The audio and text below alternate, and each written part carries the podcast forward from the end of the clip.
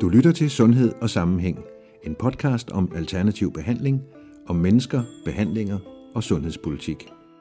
Som læge kan jeg ikke anbefale alternativ behandling. Enten er det placebo, eller også er det humbug. Jeg kunne mærke på min egen krop, at det virkede. Jeg tror, der er rigtig mange kvaksalver derude. Goddag, Charlotte. Goddag, Jasper. Jeg har ringet til Charlotte Bæk, som er læge og ayurvedisk læge øh, i København, og øh, vi skal snakke lidt om, hvad Ayurveda er for en størrelse. Øh, og jeg kan jo godt på forhånd lige røbe, at det har noget med Indien at gøre, men det kommer vi til. Først vil jeg, har jeg lyst til at spørge dig, Charlotte, når nogen kommer ind til dig, øh, mens du har den kasket på som ayurvedisk læge, hvad, hvad gør du så egentlig? Gør du det samme som en almindelig læge, eller hvad? Altså, når, når, når patienter kommer her, så er der tre veje, de kan gå. Og den første vej, det er, at de kommer ind i et forløb over syv uger eller et helt år, så vi virkelig kan komme i dybden. Den anden vej, det er, at man kan komme til en personlig konsultation. Og den tredje vej, det er, at man kan blive i gåsøjne indlagt på en klinik, hvor man overnatter og får behandling døgnet rundt. Og det foregår op ved... Hov. Så der er de tre forskellige Du, veje. du faldt lige ud, men øh, der var tre Der er de- forskellige veje. Ja, okay. Der er tre forskellige veje. Men uanset hvilken vej man vælger, så er der grundlæggende fire trin. Det første er, at man udfylder et spørgeskema hjemmefra. I selve mødet, der er der en form for i gåsøjne diagnose. Og det tredje det er, at vi udarbejder et diagram. Og det fjerde er, at man får råd og vejledning om, hvad man kan gøre selv. Okay, men øh, hvad er det så for nogle øh, lidelser eller problemer, folk de kommer med, når de kommer ind ad døren? Det kan være mange forskellige. Altså et eksempel, jeg kan give, til, er en sygeplejerske, der kom her. Hun er leder af et plejecenter, og hun er sund og rask, men havde så det mindre eller større problem, kan man sige, at hun gerne ville tabe sig 7 kilo. Og det kunne hun ikke. Og hun havde levet fuldstændig som man skulle, med masser af motion, en ekstrem fedtfattig diæt, og hun var endda kommet derhen, hvor hun var fedt forskrækket. Så hun kom her for at få hjælp, og hun fik så her den rette kostplan. Det vil sige en kostplan, der passer til hendes kropstype, og en kostplan, der passer til hendes specifikke fordøjelsestype. Og det vil sige, at der begyndte hun så at undgå alt det usunde fedt, og i stedet for at tage det sunde fedt, men i meget små mængder. Regelmæssigt, men i meget små mængder. Og det gjorde altså, at hun tabte sig 7 kilo. Jeg mødte hende her for nylig, hvor hun havde tabt de 7 kilo, og jeg sagde, hold da op, hvad er der skete? Så sagde hun, jamen jeg har jo bare begyndt at følge den kostplan, som du gav mig, som passer til min kropstype og min fordøjelsestype.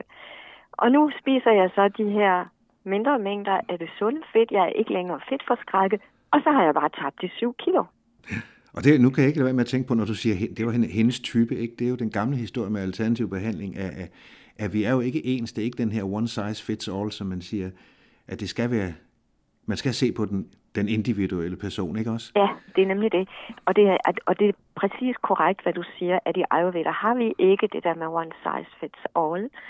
Det er individuelt vejledning, det er individuelt tilrettelagt programmer, vi bruger. Så det vil sige, at først og fremmest så arbejder vi jo med en række kropstyper. Der er 10 forskellige kropstyper i Ayurveda. Vi arbejder også med fordøjelsestyper. Der er fire forskellige fordøjelsestyper. Og vi arbejder med mentale typer, hvor der er syv mentale typer. Så, så, så det første det er selvfølgelig at afklare, hvad er det for en kropstype, hvad er det for en fordøjelsestype, hvad er det for en mental type. Og når vi så har det på plads, så kan vi langt bedre rådgive. Og det er jo interessant, fordi det er faktisk noget, moderne lægevidenskab også er begyndt at interessere sig for. Der er jo kommet et nyt begreb. Har du hørt om det, Jesper? Det, der hedder personlig medicin. Personal. Ja, det, det, det har jeg hørt om, og det, der tænkte jeg straks, at nå, nu er lægevidenskaben også begyndt at, at behandle folk forskelligt. Ja, nemlig. Det er det nye, så det er meget spændende. Ja, jamen, det kan være, at det bliver, med tiden bliver endnu nemmere at, at snakke sammen på tværs af de her to systemer, om man så må sige, når, når folk er, ja, det der med at erkende, at folk er forskellige. Øhm, inden vi går længere ind i værktøjskassen med hensyn til Ayurveda, så, så vil jeg bare lige høre dig, hvad betyder Ayurveda egentlig? For, hvad betyder det? Altså selve ordet Ayurveda, Ayus, det betyder liv, Ja, og Veda, Veda, det betyder ikke det betyder ikke bare viden eller videnskab, det betyder meget mere. Det er et ord på sanskrit, der betyder en fuldkommen viden om hele livet og universet. Så, så oversat, når man oversætter ordet Ayurveda, så bliver det meget ofte oversat som livets viden eller livets videnskab. Men i virkeligheden så betyder det faktisk Ayurveda, en Ayus baseret på Veda, et liv baseret på den fuldkommende viden om livet og universet. Det var sørme ikke så let. Men øh, jeg har jo også hørt øh, både dig og andre sige noget om, at, øh, at det har et par år på bagen, det her system. Hvor, hvor, altså, jeg troede jo, at noget af det ældste, vi havde i verden, det har jeg altid tænkt på, det var de her kinesier, kineserne med deres akupunktur og så videre, TCM. Men hvor gammel er Ayurveda egentlig så? Det er endnu ældre, og det er rigtigt. Kinesisk medicin er en af de ældste traditioner. Men faktisk, den ayurvediske tradition, det er den ældste tradition i verden. Altså det er den ældste tradition, man overhovedet kender inden for traditioner. Det er en videnstradition, så det er ikke en religiøs tradition. Og det vil sige, det er en viden, der har, eller har, og har haft en viden om mennesket, hvordan det indre menneske kan blive mere kreativt, mere lykkeligt og energisk. Det er en viden om livet, universet og mennesket, og hvordan mennesket kan udfolde sit fulde potentiale. Og for at kunne udfolde sit fulde potentiale, så er det gavnligt at have et godt helbred. Og derfor er Ayurveda også et system, der anbefaler råd og vejledning omkring helbredet. Men i virkeligheden kan man sige, dybest set, så er formålet med Ayurveda at opnå personlig udvikling. Det vil sige at begynde at bevæge sig opad og fremad i forhold til det livsformål, som man er født til. Så det er sådan, ja, det lyder meget mere overordnet. Øh, jeg forstår godt, hvad du mener, når du siger, at det ikke er, er religiøst, men det er alligevel noget, der, der, går ind, der går ind i selve helheden. Altså, hvad, hvad skal vi? Hvad vil vi? Hvordan kommer vi bedst igennem ja. livet og gør, hvad vi skal? Eller jeg ved ikke, hvad man skal sige. Ja, altså Ayurveda er en stor tradition, og, og du kender yoga jo, ikke? Og det mm. gør de fleste sikkert yoga-stillinger og yoga-øvelser. Men var du så klar over, at yoga i virkeligheden er en del af Ayurveda? Så det vil sige, at yoga, yogastillinger, yogaøvelser er en del af en meget større no, tradition, okay. en meget bredere tradition, som hedder Ayurveda. Og Ayurveda har 40 forskellige aspekter. Vi har yoga, åndedrætsøvelser og meditation. Det er et aspekt. Men vi har også kost, vi har viden om livsstil, vi har viden om motion, vi har viden i det hele taget om diagnose, og endda også behandling af sygdom. Vi har viden om bolig, byggeri og indretning. Vi har viden om landbrug, jordbrug og havebrug.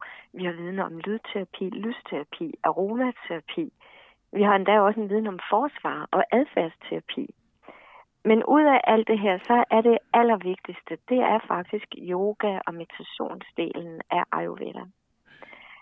Det var... Så Ayurveda som tradition er meget, meget gammel og har været praktiseret i mange, mange tusinder af år som en mundtlig tradition. Men så på et eller andet tidspunkt blev det skrevet ned, og det er cirka 2.000 år siden. Så blev det skrevet ned på palmeblade, og senere blev det så skrevet ned i bøger. Og i dag kan man så købe bøger, som indeholder noget af den gamle tradition, ikke det hele, fordi meget er forsvundet dels da Indien var under islam. Indien har været under muslimsk herredømme i over 1000 år, hvor meget forsvandt, fordi det passede ikke i, man kan sige, den politiske dagsorden. Og efter det kom englænderne, der heller ikke synes, at de ville støtte Ayurveda, der forsvandt også en del. Men vi har noget tilbage, vi har en masse tilbage faktisk stadigvæk. Jamen, det, når, det, når det er så gammelt, som du siger, og, og ja, på et tidspunkt i udviklingen, så, så blev det skrevet på palmeblad. Jamen, det vil sige, i starten så har det eksisteret, før man overhovedet havde et, et øh, skriftsprog, eller hvad? Ja, det har eksisteret som en mundtlig tradition. Og det vil sige, at det bliver fortalt videre. Det bliver fortalt videre fra lærer til elev, fra lærer til elev. Og det har man gjort meget ud af i Indien og bevare den tradition. Så i Indien, der har man altså en forståelse for, hvor vigtigt det er at bevare gamle traditioner, en gammel viden, og, og forklare det videre til kommende generationer. Og det vil sige, at man i Indien har haft et ansvar for at bringe det videre til næste generation, hvor de næste så havde som opgave at lære det hele uden ad. Og det har man så gjort, ikke bare forfra, men også bagfra. Så de har lært det udenad, både forfra og bagfra. Og på den måde har de altså kunnet det absolut 100% perfekt, og forklaret det videre til næste generation og næste generation. Så på den måde er det blevet overleveret i tusindvis af år mundtligt. Ja, man kan jo ikke sige, at det så er gået fremad med, med vores hjerne eller med intelligensen, fordi hvem, hvem vil være i stand til det i dag, og lære sig noget forfra og bagfra og give det videre? Hold da op. Det må jeg nok sige. Uh, det Men det er det specielle ved Ayurveda, ikke? og det vil sige, at vi siger, at Ayurveda det har tre egenskaber, eller der er tre kvaliteter, nemlig Ayurveda, det er Nitya, det er Satya, det er Apaurushaya. Nitya, Satya, Apaurushaya. Nitya betyder, at det er en eviggyldig viden, altså det er en viden, der altid er gyldig. Og så er den Satya, det vil sige, det er sandheden. Det er altså noget, der ikke ændrer sig. Det er noget, der altid er det samme.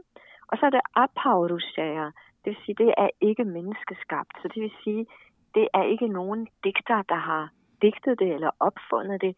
Det er simpelthen en, en viden, som er en optegnelse af naturens love. Så det er simpelthen bare en optegnelse over naturens lovmæssigheder.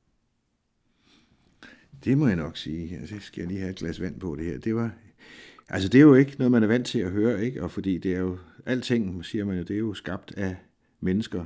Og det, det er jo også skrevet ned af mennesker, men, men der er altså nogen, der for mange, mange år siden har, har ligesom kunne se eller jagtage eller erfare af naturens love, de var sådan og sådan, og så begyndte ja. at skrive det ned. Det har de haft, og hvordan skal vi forstå det? Jamen, vi kan forstå det, hvis vi tænker på Newton. Newton, han var lidt i samme retning, kan man sige, fordi han havde en, det vi kalder en aha-oplevelse. Han så et æble falde, eller rettere sagt, han fik faktisk selv æblet i hovedet, har jeg hørt. Og så opdagede han ligesom, hov, hvem er det, der smider æblet ned i hovedet på mig? Der må være nogen, der trækker det ned. Der er ikke nogen, der har smidt det, så må der altså være nogen, der trækker det ned. Og så havde han en erkendelse om, at der må være noget, der hedder tyngdekraften. På samme måde har der i Indien i gammel, gammel tid været yogier og seere og profeter, som altså i deres egen bevidsthed har været i stand til at få erkendelser, det vi kalder cognitions, erkendelser eller indsigter omkring naturen og universet. Og hvorfor kunne de det dengang, og hvorfor kan man ikke det i dag? Det er fordi dengang var der hverken forurening eller stress. Ah, Verden ja. var ny, og der var ikke alle de spændinger og alle de problemer, og alt den forurening. Og det vil sige, at der var et helt andet grundlag for at meditere og for at få de her erkendelser. Ja, der er simpelthen så meget støj i dag, det kan jeg godt følge. Ja. Også mental støj, men altså ja. på alle punkter ja. er der støj og stress, ikke? Så dengang var der virkelig ro og fred, og der var klarhed, og der kunne man altså meditere på en helt anden måde end i dag. Så der har de altså haft nogle dybe, dybe meditationer, hvor de har fået de her aha-oplevelser og erkendt, en fuldkommen viden om mennesket, livet og universet. Og det er så den, de har fortalt videre til næste generation og næste generation og næste generation. Vi kender jo lidt til det øh, her i form af etagerne. Altså, vi har jo også en viden der, som er blevet fortalt videre fra generation til generation. Men der har man jo så ikke gjort så meget ud af at lære det uden at fortælle det på samme måde øh, som i Indien. I Indien har man gjort det meget systematisk, meget præcist, og med stor omhu og med stor samvittighedsfuldhed. Ja, nu sagde du et. Øh, det, den skal jeg lige... Ja, det, jeg, jeg har hørt om Eddagerne. Hvad er det nu, det er? Det er den nordiske tradition af viden. Det er rigtigt, ja. Vi har den nordiske tradition af viden, som er Eddagerne, den gamle etter og den yngre etter, den poetiske etter. Og det er jo også noget i Norden, hvor de gamle, i de gamle dage, i gamle traditioner, har haft en viden om naturen og universet og fortalt det videre. Og den viden, de har haft, den har de jo haft i et billedsprog, som de så har forklaret videre til næste generationer. Så meget af det, det lyder som nogle historier, men i virkeligheden så er det måske billedligt talt en måde at fortælle om naturens orden på. Så det skal jeg ikke gøre mig klog på. Jeg har ikke forstand på etærerne. Men, men, men det er bare, hvis vi skal sammenligne med noget, så har vi noget, der kan minde lidt om det i vores egen kultur, nemlig etærerne ja. og hele den nordiske mytologi. Ja, og, ja, og hvis vi så øh, ja, tager, tager frem til nutiden, eller hvad det hedder, og siger, jamen nu, nu, når man hører øh, ordet Ayurveda, og så hører man om kinesisk medicin og om zoneterapi, jamen alt det her alternativ behandling, som vi kalder det, jamen hvor, hvor kan man placere Ayurveda der? Ikke? Der er nogen, der siger, at der er noget af det, af det såkaldt alternativ, som grænser lidt op til lægevidenskaben, øh, som, hvor man lægerne godt kan se øh, en vis logik i det, og så er der noget, der ligger så langt væk, så at, at det overhovedet ikke giver mening for en, der er uddannet øh, inden for naturvidenskab. Altså, hvor kan man placere Ayurveda et eller andet sted på den skala der? Det kan man godt. Altså, i Ayurveda er det jo interessant, fordi i Ayurveda har vi faktisk tre forskellige niveauer af dokumentation. Det ene niveau, det er moderne lægevidenskab. Det andet niveau, det er det, vi kalder personlige klientberetninger. Og det tredje niveau, det er det, vi kalder langtidsanvendelse og tradition. Og det vil sige, at hvis vi går tilbage til den oprindelige definition, som Lægeforeningen har haft omkring alternativ behandling, så er Ayurveda faktisk ikke alternativt, fordi den oprindelige definition på alternativ behandling siger, at alternativ behandling er behandling, som ikke er dokumenteret. Og Ayurveda er faktisk ikke bare dokumenteret, men det er dokumenteret på tre forskellige niveauer. Så på den vis kan man sige, så opfylder Ayurveda ikke rigtig definitionen på alternativ behandling og ligger egentlig uden for alternativ behandling dybest set. Der findes nemlig rigtig mange videnskabelige undersøgelser over Ayurveda. Hvis man går ind og søger på den, den, den hjemmeside, der hedder PubMed, det vil sige den hjemmeside, der indeholder undersøgelser, der er publiceret inden for moderne lægevidenskab, og man søger på søgeordet Ayurveda, så er der mere end 7.000 undersøgelser, der kommer frem. Så det vil sige, at der er altså ja, tusindvis af undersøgelser. Nej, så det, det er jo massivt. Altså, der er rigtig meget videnskabelige undersøgelser omkring Ayurveda. Og vi skal, det også, inden... ja, vi skal også lige skynde os at sige, at, at uh, i øh, det, der hedder show notes på nydansk, altså de der noter, der står under podcasten, der hvor man nu klikker på den på telefonen eller på computeren, der, der lægger vi altså de her forskellige øh, referencer ind, øh, en hel del, for alle dem, der er nysgerrige og mere nørdede, kan gå ind og, og læse mere om, om det, vi lige har snakket om med undersøgelser og, og så videre. Øhm, så, men det var det. Nu skal jeg ikke afbryde dig mere, men det var bare lige det med referencerne. Ja, men det er rigtigt. Og så det andet niveau, det, det er personlige klientberetninger. Det er faktisk anset for at være lægefaglig og juridisk gyldig dokumentation. Så, så der har vi også i Ayurveda en lang stribe af sådan nogle klientberetninger. Og endelig så har vi den tredje, det er langtidsanvendelse og tradition. Og det vil sige, det er faktisk gyldigt både lægefagligt og juridisk, hvis en behandling hviler på langtidsanvendelse og tradition. Og det er gyldigt, fordi i 2004, der kom der en bekendtgørelse fra EU, som siger, at hvis en behandling hviler på langtidsanvendelse og tradition, så er der ikke behov for kliniske undersøgelser. Der er altså ikke behov for videnskabelig forskning. Så det vil sige, at det er tilstrækkeligt, at noget hviler på langtidsanvendelse og tradition. Det er så det, vi kalder time-testet. Så det vil sige, at Ayurveda er altså dokumenteret på alle de her tre forskellige niveauer, og det betyder, at Verdens Sundhedsorganisationen, altså WHO, har faktisk været med og er med i hele det her projekt, som hedder Global Acceptance of Ayurveda. Det er et stort projekt, som stammer selvfølgelig øh, har basis i Indien, i den indiske regering og det indiske sundhedsministerium, men faktisk også har samarbejde med forskellige andre institutioner over hele verden. Og her er Verdens Sundhedsorganisation med i det her projekt Global Acceptance of Ayurveda. Desuden så har man jo i selve Indien et ministerium for yoga og Ayurveda, og i øvrigt så er det meget spændende, at sidste år, 2022, der blev man der har de altså oprettet et globalt hovedkvarter for alternativ behandling i Gujarat, altså en stat i Indien. Og det er et globalt center, der blev oprettet via et samarbejde mellem Verdenssundhedsorganisationen WHO og den indiske regering, Sundhedsministeriet, altså Ministeriet for Ayurveda. Hold, det lyder spændende. Der må vi, der må vi ned og besøge dem. Det, Ja. Det var da, det var da fantastisk. Men jeg kan da også godt undre mig, når du siger de ting der med, med lang tids anvendelse, og, og det, at man ikke så kræver, at der skal være videnskabelige undersøgelser, fordi det er, erfaringsgrundlaget er åbenbart rigeligt. Hvorfor i alverden øh, er det så, så sjældent, at man hører om Ayurveda her i Danmark? Det forstår jeg ikke. Ja, det kan man undre sig over, fordi der er mange lande i Europa, hvor Ayurveda er langt mere udbredt. Der er også lande i Europa, hvor man faktisk kan få tilskud fra sundhedssikringen eller sygesikringen. Og det er for eksempel Schweiz, det er Ungarn, det er Serbien, Slovenien, Rumænien og Letland. Det er altså lande, som har accepteret Ayurveda som en del af det gængse, en del af det officielle offentlige sundhedssystem. Så det er jo øh, ønskværdigt, hvis vi kan nå så langt. Og der er også andre lande i Europa, hvor det hvor man ikke giver tilskud, men hvor det er langt mere accepteret end i Danmark. Og det er sådan noget som Tyskland, England, Frankrig, Østrig og mange andre lande. Så derfor så kan vi jo se frem til i fremtiden, at det bliver mere udbredt i Danmark, ligesom det er i andre lande.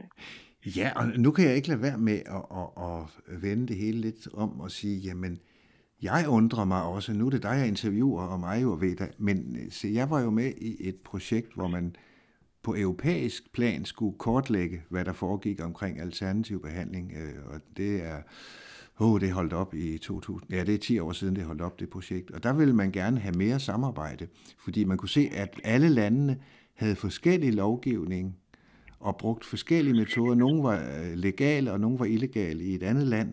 Og, og der var virkelig behov for at, at lære af hinanden, og måske også prøve at komme ikke tæt på en standard, men dog for en forståelse, så man, så man på europæisk plan kunne blive, blad, blive bedre til at udnytte alt det her.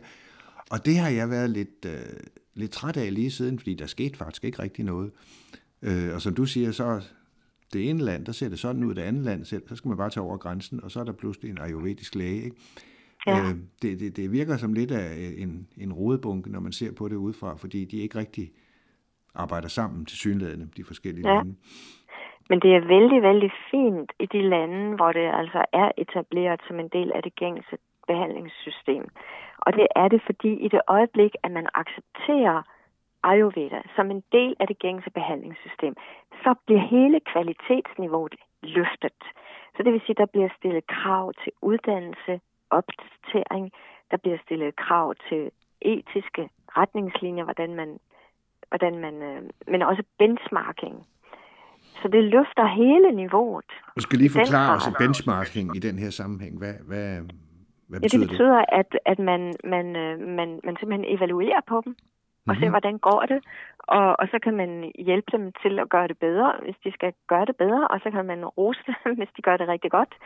Altså, der er, der er et system, hvor man altså, kræver en vis uddannelse af dem, hvor man kræver efteruddannelse, regelmæssig efteruddannelse, hvor man kræver, at de følger med i deres fag, hvor man altså kræver, at de opfylder nogle bestemte kriterier, og hvor de har tavshedspligt for eksempel, og de har journalføringspligt. Så det løfter hele området til et meget højere niveau, hvor de begynder at fungere professionelt. Okay, og det vil sige, at, at øh, ja, det, lyder, det lyder jo egentlig positivt, ikke? Øhm, men, men nu vil jeg også godt lige huske at vende tilbage til, til selve, øh, øh, hvad hedder det, ja, øh, behandlingen, og hvis jeg nu øh, skal tænke på patienterne, ikke? Altså, du har beskrevet noget om, om hvor, ja, hvor gammel det var, og alt det, vi lige har snakket om, med hvordan det, der, det var erfaringsbaseret, og det var bygget op på en grundlæggende øh, viden om nogle naturlove. Men jeg har hørt noget om, at man har nogle, nogle typer, som du også nævnte i starten af, ja, nu kan jeg huske, det er noget med pita, det kan jeg huske, fordi jeg tænker på pizzabrød. Nej, men pizza, pizza og kappa, er, kan du ikke fortælle lidt om, hvad de der begreber egentlig står for? Jo, der er tre, det vi kalder dosha. Og dosha, det betyder principper for intelligent funktion i naturen. Og der er der tre, nemlig vata, pitta og kapha. Og vata, det betyder princippet om lethed. Pitta betyder princippet om varme. kaffe betyder princippet om tyngde. Så overalt i universet, i naturen og i vores egen krop, der ser vi de her tre forskellige principper for intelligent funktion. Så vata, det betyder lethed. Hvordan kan man opleve det i sin egen krop? Men det kan for eksempel betyde, at en søvn bliver for let. Altså, at man ikke får en tung og en dyb søvn. At man har svært ved at falde i søvn. Altså, der kommer for meget lethed ind i blandt andet en søvn. Så det kan være et eksempel. Og hvis vi tager pita, det er varme, for meget varme. Det er der nogle kvinder, der oplever med hedestigninger og svedeture i overgangsfasen, men det kan også være en febertilstand, hvor man sveder meget, eller det hele taget, at man har det for varmt, man har for meget kropsvarme. Så det kan være en anden tilstand. Og den tredje, det med tyngde, det kan være, at man oplever og føler sig tung. Altså man oplever, at kroppen er meget tung, at man ikke har meget energi til for eksempel at rejse sig og komme ud og dyrke motion eller bevæge sig, fordi kroppen bare føles meget tung. Så, så det kan være et eksempel på, på, hvordan de tre intelligente principper, hvordan de kan virke i kroppen. Og det vi så skal gøre i Ayurveda, det er at tage det modsatte for at skabe balance.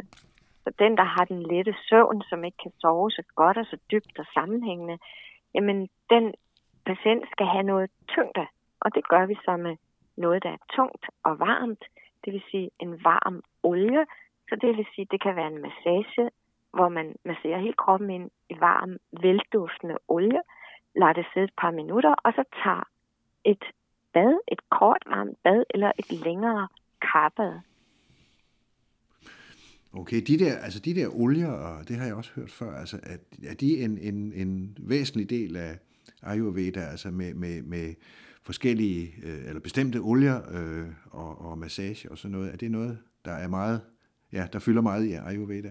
Ja, det er en meget vigtig del af Ayurveda. Og det er noget, vi behandler med også i klinikker, som jeg sagde før. Man kan, man kan blive gåsøjne indlagt, altså man kan komme til en klinik, hvor man er der på opholdsbasis, ligesom man kommer til et hotel eller et spa-ophold.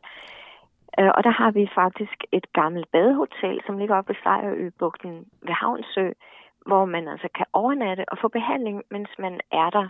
Og der får man ikke bare den rigtige kost og, de, og, den, og den rigtige luft og det rigtige lys, men man får også de rette behandlinger, og det vil sige, at det kan være massagebehandlinger med olie, det kan være varmebehandlinger, det kan være oliedrykbehandlinger, det kan være forskellige andre behandlinger, som vi så har et team, der er uddannet til at udføre professionelt.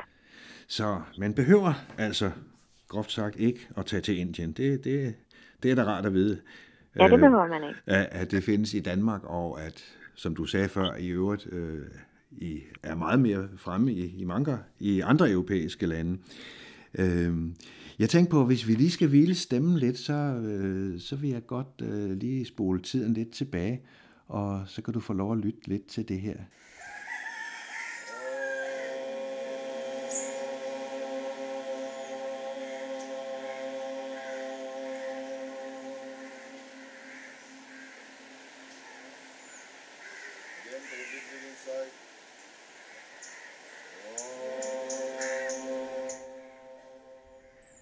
Ja, vi røg lige en øh, lille smut til Goa, hvor jeg var for en cirka 10 år siden, og som man måske kunne høre, øh, var henne til at få en morgen, en morgen yoga til akkompagnement af diverse øh, dyrearter.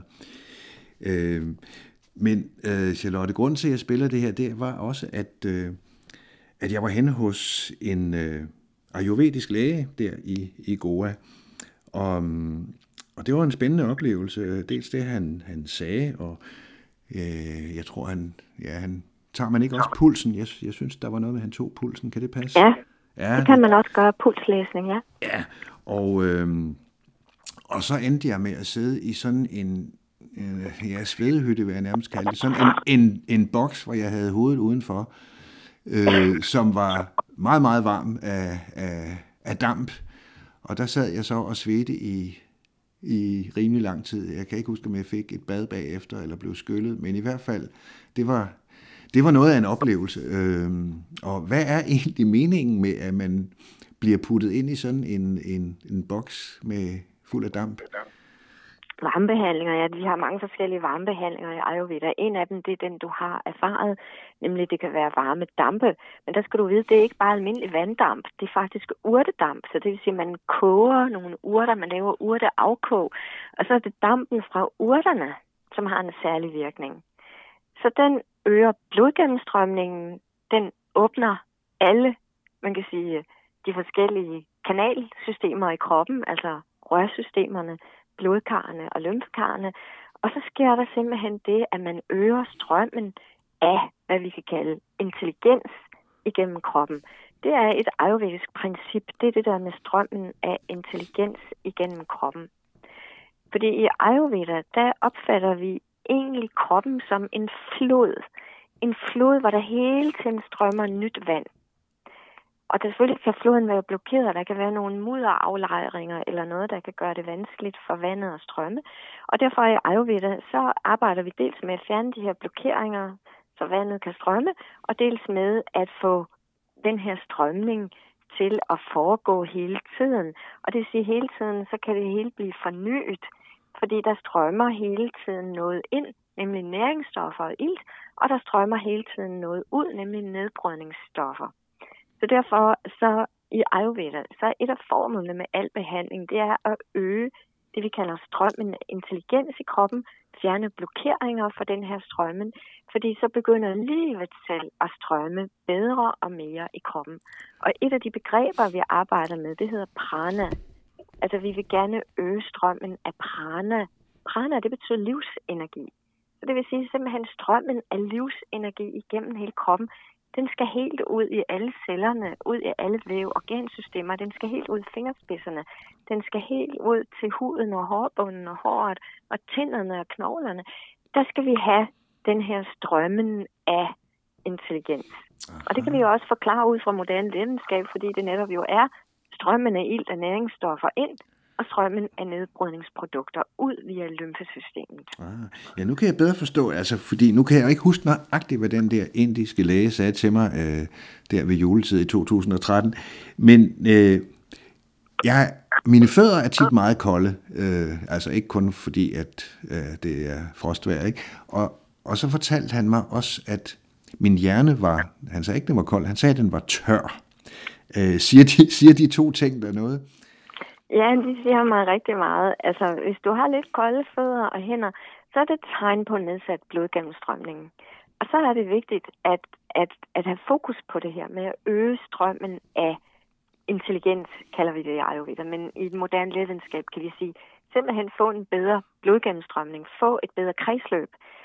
Og det er ikke bare blod, det handler om, det er også lymfe, som jeg nævnte før, fordi blodet skal som sagt bringe ild og næringsstoffer ind, og lymfesystemet og lymfevæsken skal tage nedbrydningsprodukterne væk.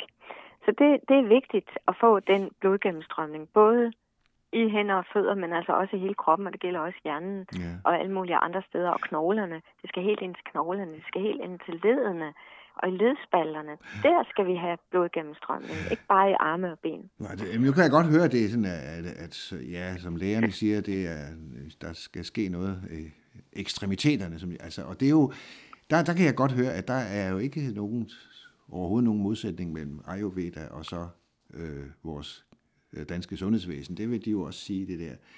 Øh, det eneste, de ikke har fundet på at sige til mig, i hvert fald hos lægen herhjemme, det er, at jeg har en tør hjerne. Hvad, ja. hvad mener han med det, ham ned ind En, en tør hjerne. Det han mener, det er, at hjernen er indlejret i fedt. Og det vil sige, at der er to slags celler i hjernen. Der er dels dem, der tænker. Det er nogle elektriske celler, der sender nogle elektriske impulser afsted som et kæmpe lynvær eller tordenvær. Så det er den ene type. Og den anden type, det er pakkeceller. Det er altså nogle celler, der pakker de andre ind i fedt. Fordi dem, der er elektriske og fungerer med elektriske impulser, de skal nemlig pakkes ind i fedt. Fordi ellers så, så sker der en kortslutning. Så, så derfor er det meget vigtigt, at alle de her tænkende grå celler i hjernesystemet, at de bliver pakket ind i fedt. Og det er så de andre celler, det er det, man kalder de hvide fedtceller. De skal pakke de andre ind. Og derfor så siger man i Ayurveda, at hjernen skal ikke blive for tør. Altså der skal ikke være for lidt fedt i hjernen, fordi så kan alle de her elektriske impulser faktisk ikke fungere, som ah. de skal. Og derfor har man en stor viden i Ayurveda om, hvordan vi tilføjer de sunde fedtstoffer ikke bare indvendigt, men også udvendigt fra. Blandt andet med massage, med alle mulige forskellige olier. Men det kan også være aromaterapi, for eksempel rosmarinolie, som man kan dufte til. Øh, og, og det kan altså også påvirke hjernen. Så ikke bare udvendigt fedt, udvendigt, men også indvendigt fra, og det vil sige, at vi arbejder også med de sunde fedtstoffer. Hvordan man skal få de sunde fedtstoffer indvendigt, og det drejer sig om også at undgå de usunde fedtstoffer, fordi ellers kommer der jo usunde fedtstoffer op i hjernen. Så vi skal helst undgå fabriksproduceret mad, fordi der har vi jo transfedtsyre og vi skal helst undgå at spise for meget kød af den dårlige slags, i hvert fald rødt kød specielt. Og så skal vi i stedet for have de sunde fedtstoffer, Ja. det vil sige avocado, oliven, nødder, mandler, frø og kerner. Ja, og der, det er jo hele den der fortælling også om de der mættede og umættede og flere umættede øh, Ja. fedtsyre, ikke? Og, og ja, det er, jo, det er jo selvfølgelig et kapitel for sig. Nu skal vi måske ikke blive så nørdet lige nu, men i hvert fald det der med at holde hjernen øh, forsynet med, med de ja, med de celler, som, som skal beskytte de andre. Og det vil sige, at, at dels hvad jeg spiser, og dels øh, hvad jeg måske snuser til, eller øh, får mit hoved smurt ind i, i det rigtige. Er det det? Ja, ja. Kunne det være det? Det, det, det vil være det, man vil sige, Ayurveda. Man vil sige, det er en god idé, at du dels sørger for at spise de sunde fedtstoffer, men også at du regelmæssigt, eller måske endda dagligt, smører hele kroppen ind i en velgørende, velduftende olie, som så kan sidde på huden og trænge ind i de Nå. underliggende vævstrukturer. Og så efter måske 5-10 minutter, tager du så et kort varmt bad eller et længerevarende varmt karbad. Ja. Så det er ikke kun hjernen, ja, men jeg kan sådan set med fordel smøre hele kroppen ind i det, siger du. Du kan smøre hele kroppen ind. Men det vigtigste, det er faktisk hjernen. Altså, at man smører hovedbunden, ansigt, ører, hænder og fødder. Man kan godt nøjes med det, hvis man er travlt. Så kan man lige tage ansigt, hovedbund, ører, hænder og fødder. Og, og så kan man egentlig klare sig til daglig, og så kan man måske i weekenden tage hele kroppen. Men det er en god idé at, at smøre hele kroppen ind i de her varme olier, fordi at den varme olie som sagt trænger ned i de underliggende strukturer i vævet. Og det vil sige, at den blødgør og smidiggør ikke bare muskler, men også sener og ligamenter og led. Så på den vis kan man altså holde kroppen mere smidig og fleksibel, for det første. Og for det andet, så kan man også hjælpe til at få en bedre søvn, som jeg sagde før. Fordi de fleste mennesker, der har søvnproblemer, det er fordi, de har en søvn, der er for let. Der er for meget lethed i søvnen. Man vågner for let, man sover for lidt, man kommer ikke rigtig dybt ned. Søvnen bliver ikke sammenhængende, den bliver afbrudt, fordi den simpelthen er for let. Og det kan man altså afhjælpe ifølge Ayurveda ved de her varme oliemassager, hvor man altså smører kroppen ind i den velgørende, velduftende, dejlige varme olie, når det sidder et par minutter, og så bagefter tager et varmt bad. Okay, jamen det vil jeg huske. Altså, jeg, jeg, jeg kender en, der, der ikke er, er så god til at sove, om jeg så må sige. Jeg, jeg personligt sover jeg som en sten. Jeg skal bare sørge for at få timer nok, men, øh, Ja.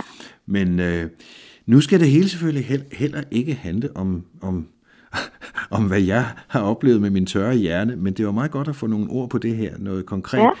Ja. Øh, men men øh, der er også noget andet, som jeg ved, du har snakket om, det er, at, øh, at man behøver jo ikke, hvis man skal bruge eller udnytte den visdom fra Ayurveda, så behøver man ikke nødvendigvis at tage til, hvad var det nu, Estland eller Tyskland eller besøge dig, men man kan også lære at passe på sig selv. Ja, hvad, hvad, hvordan gør man det, og, hvis man selv skal bruge det? det er det primære i Ayurveda. Det er alt det, man selv kan gøre. Fordi i Ayurveda, så vil vi jo gerne have, at hver enkelt tager ansvar for sit eget helbred. Og Ayurveda uddanner os til, hvordan vi kan blive sundere og gladere. Så det vil sige, at vi kan få gode råd, vi kan få vejledning til præcis, hvad skal vi have kost, motion, livsstil, yoga, transcendental meditation, hvordan kan vi udfolde vores indre skabende intelligens og opnå en personlig udvikling.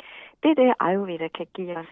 Og til det, der har jeg forskellige, det jeg kalder patientuddannelsesforløb, hvor man altså er en mindre gruppe, og så er man her for eksempel syv uger i træk, eller det kan være et helt år i træk, eller det kan være halvandet år, hvor man virkelig arbejder Nå. med at indføre de her små justeringer i kost og livsstil, som gør en stor forskel. Okay, du Så har er sådan en lidt Ayurveda-skole simpelthen. Ja, Ja. ja, det har jeg simpelthen. Og det er faktisk den allerbedste måde at komme i gang med Ayurveda på, fordi det er det mest effektive, fordi man hele tiden bliver holdt i hånden igennem længere tid, og fordi det bare er små justeringer, en lille smule af gangen, og ikke nogen store voldsomme ændringer eller pludselige forandringer eller store ting, man skal ind og gøre. Men det er de små justeringer hen ad vejen, og det er det, der bliver stabilt. Det er det, der giver varige ændringer i kost og livsstil, og det er det, der giver varige resultater, sådan at kroppen kommer mere i balance, sådan at vi øger kroppens evne til at helbrede sig selv, og sådan at vi øger strømmen af intelligens igennem hele organismen. Og sådan at vi også kan få en mere normal kropsvægt, håndtere stress og få Okay. større velvære i dagligdagen. Ja, altså, øh, det lyder jo rigtig godt, øh, men, men her til, nu skal vi også snart til at slutte, tror jeg, men, men øh, nu hedder podcasten jo, den hedder noget med alternativ behandling, ikke? Og, og vi blev enige om før, at det øh, dybest set ikke var særlig alternativt, men, men når man så kigger sig rundt om i verden, så er det jo meget forskelligt, hvordan de her øh, forskellige metoder, hvilken status de har. Altså, øh, i, nede i Indien, i selve Indien, er, er det så... Øh, er det så en, en helt normal ting, at man møder sådan en læge, som jeg nu rent på dernede? I Indien, ja. I Indien, der er Ayurveda faktisk den gængse sundhedsbehandling i langt de fleste stater. Der er mere end 700.000 ayurvediske behandlere, og der er mere end 4.000 ayurvediske hospitaler. Hold da op. Så i Ayurveda, så er det jo massivt, hvad der er. Det er jo, det er jo hjemlandet, det er jo Indien, det er der, det foregår. Men Ayurveda bliver også praktiseret i mange andre lande i hele Fjernøsten. Og også i Mellemøsten, i og i øvrigt også i, i, i for eksempel øh, øh, mange andre lande, altså USA, som jeg sagde før, og Europa i det hele taget. Men det stammer fra Indien, Arnested der i Indien. Og det, som Ayurveda kan gøre for os, det er, at det kan hjælpe os først og fremmest med at håndtere stress, få en bedre søvn, få en bedre fordøjelse, få mere energi, bedre humør, mere glæde, mere latter. Vi kan lære vores egne kropstyper at kende. Vi kan også lære at spotte andres kropstyper, andres fordøjelsestyper. Vi kan lære de ayurvediske indkøbsvaner, madlavningsvaner, spisevaner. Vi kan lære at kende de seks smagsnuancer, alle krydderierne, krydderurterne, olierne, musik, lyd, dufte og lys. Og på den måde få velvære ind i vores dagligdag via Ayurveda. Det var noget af en opskrift. Jeg tror, vi skal lade den være udgangsreplikken. Og så øh, vil jeg sige tusind tak til dig, Charlotte. Og, øh, og så vil jeg give dig en lille morgenstemning og, og sige farvel på her. Tusind Ja, tak. tusind tak. Ja. Selv tak, Jesper. Ja, ha' det godt, Charlotte. Ja, sådan her lød det om morgenen, da jeg var i Goa, Indien for cirka 10 år siden og holdt jul. Øhm, men det er en anden historie. Vi skal i næste episode af Sundhed og Sammenhæng møde en, der hedder Peter Lund Fransen, som ved meget om energimedicin. Og han siger blandt andet sådan her. Det har jeg undret mig over, at, at øh, den vestlige vid- videnskab snakker om psykosomatiske lidelser, som, som jo netop er, at psyken gør et eller andet ved os, som viser sig i det fysiske. Og samtidig påstår de, at tankerne kan, man kan ikke helbrede med tankerne, eller tankerne har ikke nogen indflydelse. men, men det har de altså. Ja. Øhm, og, og det er der jo masser af andre eksperimenter rundt omkring i verden, der har vist, at, at vores bevidsthed påvirker vores omgivelser direkte. Peter Lund Fransen kommer du til at høre meget mere til i næste episode. Som sædvanligt er der links med referencer og oplysninger i de show notes, der ligger øh, under episoderne, enten på din app eller på din computer, hvor du nu kigger. Øh, Og der er også en Facebook-gruppe, der hedder Sundhed og Sammenhæng, hvor du kan komme med ris og ros og gode idéer til mig. Og har du hørt noget, som du synes giver mening rent sundhedsmæssigt, er det helt fint. Du skal bare ikke betragte det som sundhedsfaglig rådgivning. Det får man selvfølgelig kun af en person, man har mødt face to face, og som er uddannet inden for noget sundhedsfagligt.